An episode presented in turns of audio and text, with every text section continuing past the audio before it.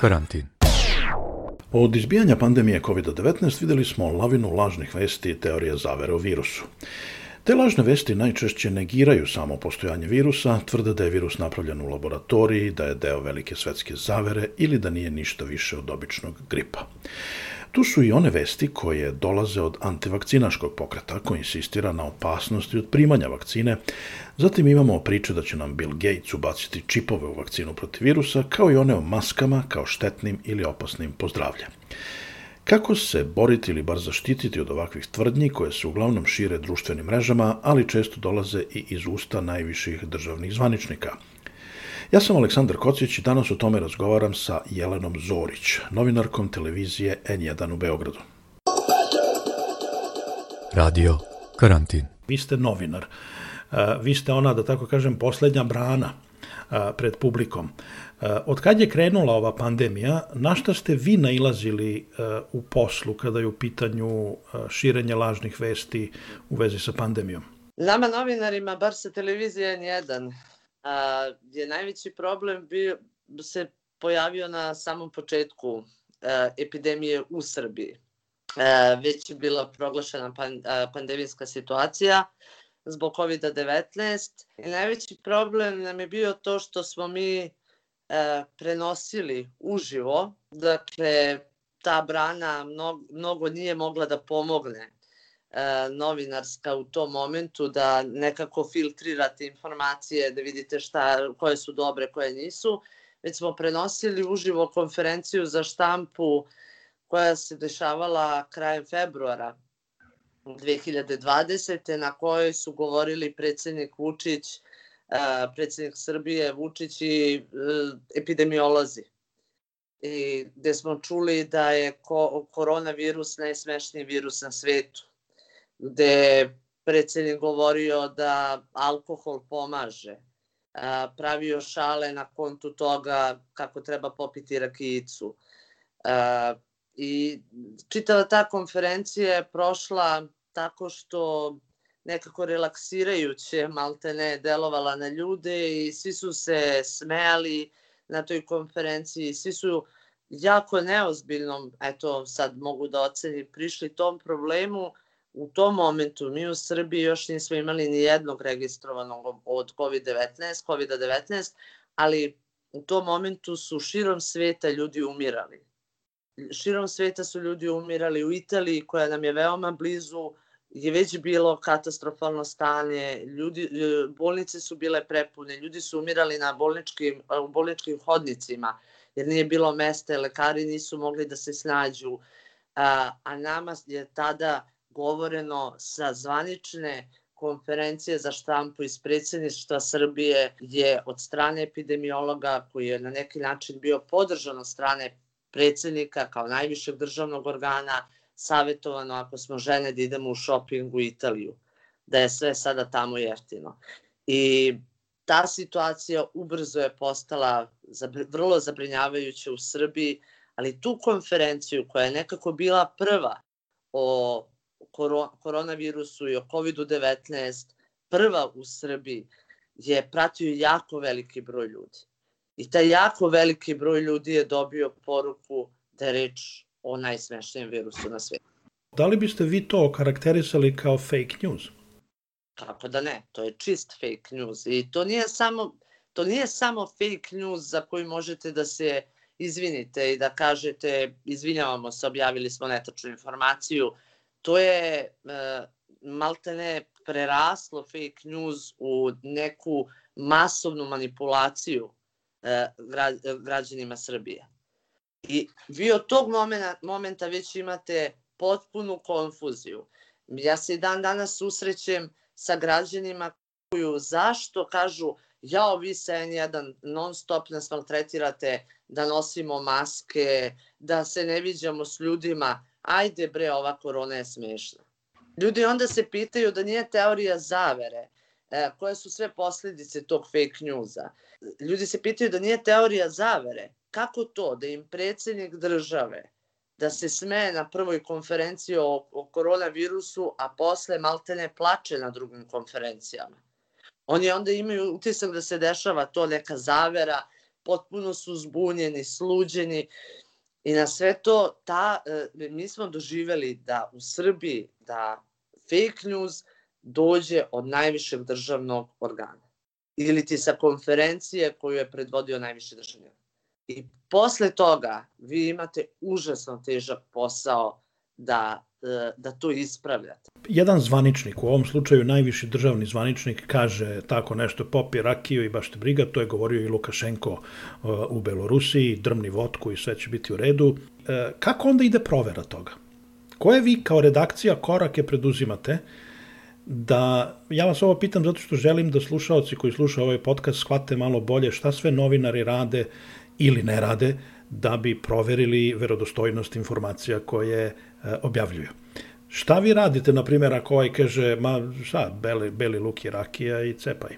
Pa znate šta, ako tako nešto kaže, a imam informacije iz cijelog sveta da ljudi umiru, nije mi potrebna neka posebna provera. Mislim, mi smo pre toga čak imali, nije se jedino u Srbiji spominjao taj beli luk, mi smo imali m, nekoliko dana posle te konferencije vest iz Latinske Amerike, da je žena umrla i se prejela belog luka. Mislim, bilo je takvih, e, e, bilo je takvih neodgovornih ponašanja širom, širom sveta. Znate, mene za, zbilja ne zanima šta radi političar kada je kod kuće i da li će on da čuva sebe, svoju suprugu i svoju decu. Zaista me to ne zanima. Kao što gledalce ne, ne treba da zanima kako se ja ponašam u svojoj kući, da li nosi masku među kućanima ili ne, i ne želim to da im otkrivam, ali e, ako je Svetska zdravstvena organizacija nadležna za ovu o, situaciju, naš, e, naš prvi e, uvek korak u, svi, u svakoj ovoj situaciji kada su u pitanju vesti tokom koronavirusa je bio da kontaktiramo Svetsku zdravstvenu organizaciju. Ja sam sa tim ljudima na mobilnom telefonu u prepisci i uh, svaku informaciju proveravamo, proveravamo sa njima. Da, vrlo su ljubazni, odgovaraju, odgovaraju na poruke novinara. Dakle, nije potrebno, ne znam, nije to ne znam kakva procedura da dođete. Eto, tako proveravamo. Druga stvar, nije sramota reći i kad je u pitanju e, virus sa kojim se prvi put susrećemo, nije sramota reći da je nepoznato nešto i da se ne zna. Dakle, ja sam davala vesti i govorila da recimo nadležni e, kažu ili lekari iz Svetske zdravstvene organizacije kažu da ne znaju kako će se virus ponašati e, tipa posle mesec dana, posle dva meseca među stanovništvom, davala se informacije da ne znaju kakve će on posledice sve ostavljati na one koji prebole e, virus i nije sramota reći ne zna se, i nešto je nepoznato. Jer vi kad kažete da je nešto nepoznato i iskreno i to kažete, onda ljudima stavljate do znanja da moraju biti posebno oprezni. Ako to ne znaju neki ljudi koji su se čitav život školovali medicinski, onda ne, nema reči da je, da je zapravo stvar vrlo ozbiljna. Dakle, trudila se uvek tako da proverim. Druga stvar, ono što uvek mi radimo, bar sen jedan, to je, to i ja, to je da uvek uh, navodimo izvor. I jako se trudimo da navedemo uvek izvor, da to ne budu naši komentari, nego da citiramo uh, institucije, organizacije, stručnjake, navodimo izvore. I to je jako važno da ljudi čuju ko je to rekao. Da bi, ukoliko dođe do eventualno nekog demantije, to mogli da čuju da opet od, ko, od koje strane je to stiglo. I naravno da mora ljudima da se ostavi prostor da i sami neke, donesu neke odluke i da sami neke stvari zaključe, ali postoje neke propisane stvari koje gde je potrebno tako da se ponaša.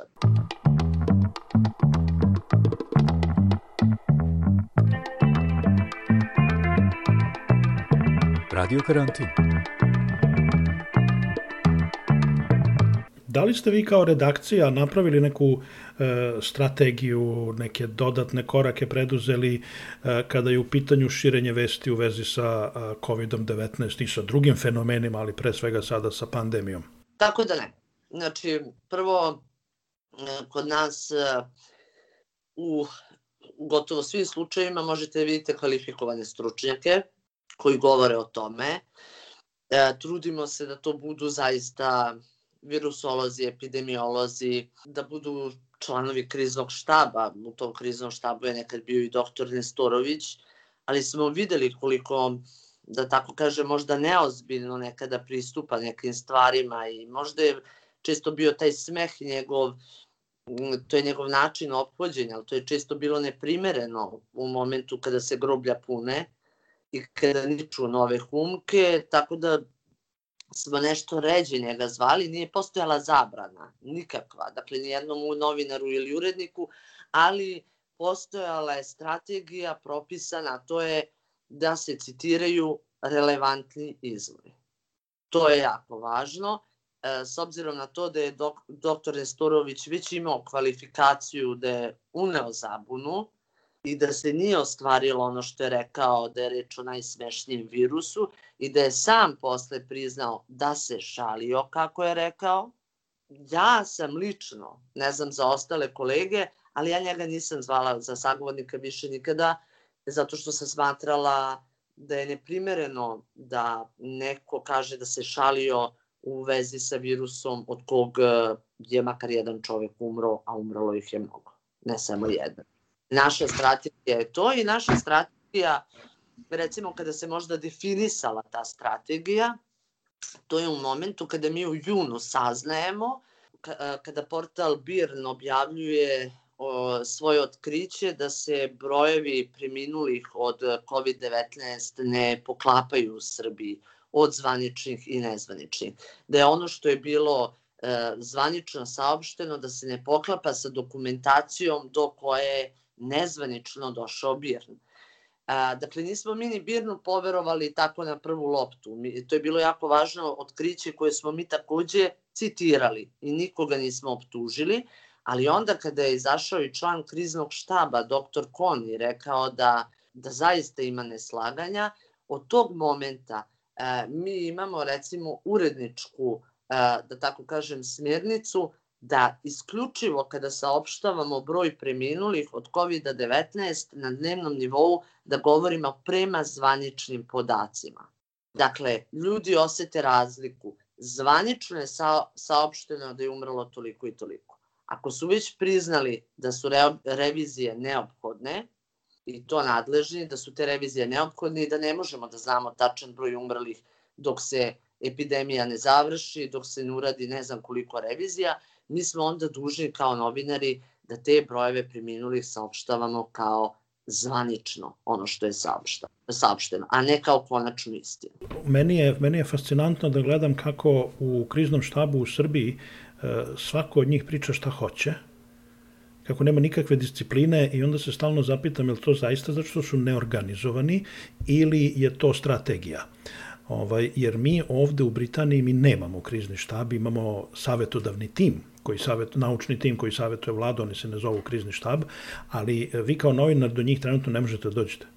Oni imaju pres konferencije jednom dnevno i to je jedino mesto gde će oni odgovarati na pitanja oni se ne oglašavaju nigde baš zato da se ne bi unosila konfuzija i da bi poruka uvek bila uh, ujednačena, da se zna šta poručuje vlada, jer oni, oni u suštini jesu deo vlade. Ovaj, tako da mi je s te strane interesantno ko on priča jedno, Kisićka priča drugo, onaj uh, priča treće, tako da ovaj, imam utisak da strašno uh, sluđuju, strašno zbunjuju građane. Pa ja imam utisak da je njihova namera bila najbolja moguća. Ali najbolje namere ne vode uvek u raj. Mislim da im je namera bila da što mogu bolje e, informišu javnost e, i što veći broj e, populacije da bude informisan u tim emisijama od, od jutarnjeg programa do večernjih emisija. Izbilja verujem da su imali sjajnu nameru, ali mislim da ta namera nije otišla u dobrom smeru i mislim da je zapravo sve to tako i počelo sa najsmešnijim virusom, gde onda vi posle ljudima treba da objasnite zašto morate da ih zatvarate, pa da ih kažnjavate.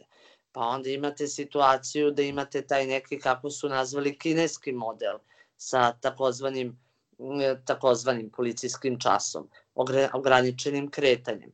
Onda smo iz tog kineskog modela maltene sada prešli u švedski model. Znači treći, ovaj treći pik prvog talasa ili treći talas, nazovite ga kako god hoćete, sad ova jesenja korona, sad imamo u prolećnoj smo imali potpuna zatvaranja, nekada i da više dnevna, sa ograniče, potpuno ograničenim kretanjem jednog dela stanovništva starijeg od 65 godina, a onda sad imamo maltene švedski model, kada se otvaraju tržni centri u sred pika, u ove, u ove, tokom ove jesen, jesenjeg talasa, kada rade noćni klubovi, kada iz kriznog štaba kažu noćni klubovi rade vaše, naše da ne idemo u njih, da se, dakle, poziva se na svest kao samosvesnost naroda i to je, da kažemo, neki švedski model. I sad, to je kao neki eksperiment uživo. Prvo vas zatvaramo, onda ste imali situaciju tokom, koje su to meni absurdne situacije, gde mislim da se možda izbunjuje stanovništvo, a gde možda će vreme pokazati da je ovakav eksperiment uživo bio neophodan da bi se našao najbolji model, možda će to sve da se proučava, možda smo svi žrtve nekog budućeg dobra. A, recimo, tokom prvog talasa na proleće su ljude kada se sazna da ste COVID pozitivni. A ukoliko nemate nikakve simptome i rešite da ostanete kod kuće, oni dođu i izvuku vas iz kuće sa policijom i smeste vas u neku ustanovu. Dakle, vi ste bukvalno bili prvo uhapšeni, lišeni slobode samo zato što ste pozitivni, bez jednog simptoma i smeštani ste u ustanovu pod ključ. A sada u ovom jesenjem talasu e, imamo primer gde trudlica sa, ne znam, visoko rizičnom blizanačkom trudnoćom šest dana obija pragove zdravstvenih ustanova, porodilišta, COVID bolnica, COVID odeljenja, gde svi izbacuju i šalju od nemila do nedrage niko neće da je primi. Kažu ne znaju šta će sa njom. To je jedna neverovatna konfuzija u jednom momentu nas hapsite, sad malte ne nećete da nas primite.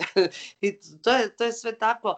E, lekari zbilja daju sve od sebe, ja sam se tu uverila. I ne samo lekari, svo medicinsko osoblje, ma bukvalno svaka ona spremačica u bolnici je toliko bitna sada i toliko su umorni, toliko su požrtvovani.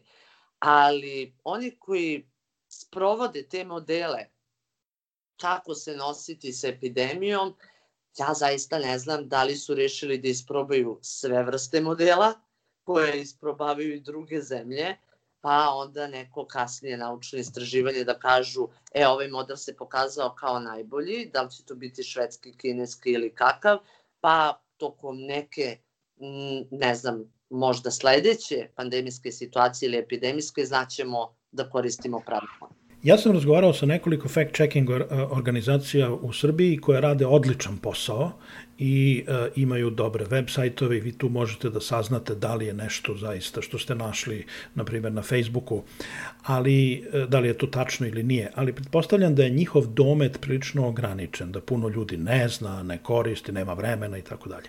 Vi sa druge strane imate mnogo kao, kao velika TV kuća, imate mnogo veći domet Zanima me ukratko kakva je vaša saradnja sa fact-checkerima, formalna ili neformalna, i da li imate neke svoje inicijative u tom smislu? Pa kako da ne? E, imamo prvo, e, svako od naših novinara je dužan i nešto da proveri i sam pojedinačno. I imamo naš tim ljudi na našem web portalu N1 E, koji se inače bavi između ostalog i fakt, e, ovaj fact checkingom, znači to im je kao u sklopu posla, proveravaju te vesti, da li su se već negde pojavile, pa nas obaveštavaju ekspresno, da li je fake news ili ne. E, redovno pratimo šta rade naše kolege a, iz raskrinkavanja i takvih, a, ovaj, a, znači imaju projekte svoje, recimo u Kriku, i zbilja nam svima znači jako to što Krik radi, što ima taj projekat i to redovno pratimo i oni pokušavaju na dnevnom nivou da isprete štampu znači bar, bar štampu i televizije. E sad, jako im je teško da isprate ono što se dešava na društvenim mrežama. A, tako da, pošto ne možemo ni mi da postignemo, da ispratimo sve što se dešava na Twitteru, Facebooku, Instagramu, gde već, ja imam jedan način da se branim od toga, to je da nisam na društvenim mrežama. Upravo zato da mi ne bi zagadili intelektualni prostor, eto da se tako izrazim, e, mnoštvom informacija od kojih će se možda neka zakačiti kao krpelj, a da je lažna. E, mi novinari smo poznati po tome da se razumemo od svega pomalo u nešto, ali redko kad smo eksperti za baš nešto. Sad imamo posla sa jednom prilično komplikovanom pričom koja zahteva duboko poznavanje medicine. I to određenih grana medicine. I to, i to otežava posao. E, kako se vi snalazite u toj situaciji? Koliko ste vi sad sedeli i čitali medicinsku literaturu, naučne radove i tako dalje? Jer ja moram da priznam prilično puno i to mi uopšte nije lako, ali šta da se radi?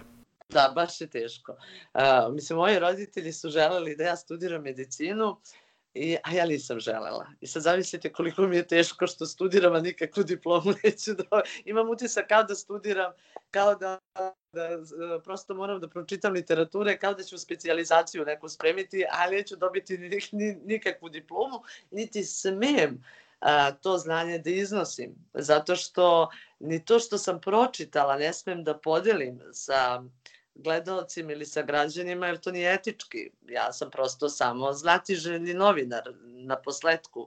Koliko god da sam pročitala, toga i sada iz, iz virusologije, recimo, ili iz epidemiologije, ali da bih znala, ne čitam, da bih ja znala da edukujem gledalce, e, već mnogo radim na tome i mnogo e, te medicinske literature čitam i razgovaram sa no, brojnim ono, zdravstvenim radnicima više nego ikada, da bih znala da postavim dobro pitanje. Ne da bih ja nekome pametovala, to e, ljudi mi čak onda zanesu se, nekad pitaju mi na ulici, jao vi pratite tu koronu, izvinte šta će ovo sada bude? Ja kažem, ja nisam lekar, ali ja to sve radim da bih znala da postavim dobro pitanje. I da to pitanje ne mora da bude nikako pa umno, spektakularno, ali mora da bude korisno i korisno za građane, za gledalce. Jelena Zorić, novinarka televizije N1 u Beogradu. O lažnim vestima u vreme pandemije Radio Karantin razgovarao je i sa Milanom Popović iz Istinomera i Katarinom Subašić i Marijom Dutri iz novinske agencije France Press. U ponedeljak 21. decembra naš gost je Slobodan Georgijev, urednik informativnog kanala Newsmax Adria. Sve ove razgovore možete naći na našoj web stranici radiokarantin kao jedna reč, .eu. Radio Karantin. I kad ste već ovde, mi bi da vas zamolimo za pomoć. Pomozite nam novčano. Svaka vaša donacija puno nam znači da pokrijemo troškove nabavke, neophodne tehnike, postavljanja podcasta, održavanja sajta i promocije. I najmanja vaša pomoć znači nam mnogo. Možete da nam pomognete jednom ili na redovnoj, nedeljnoj ili mesečnoj osnovi. Možete da nam date 1 evro, dolar, funtu ili šta vam zgodno, a može i 100. Jednostavno je i ne oduzima puno vremena. Imate sve na našem web sajtu radiokarantin.eu. Hvala.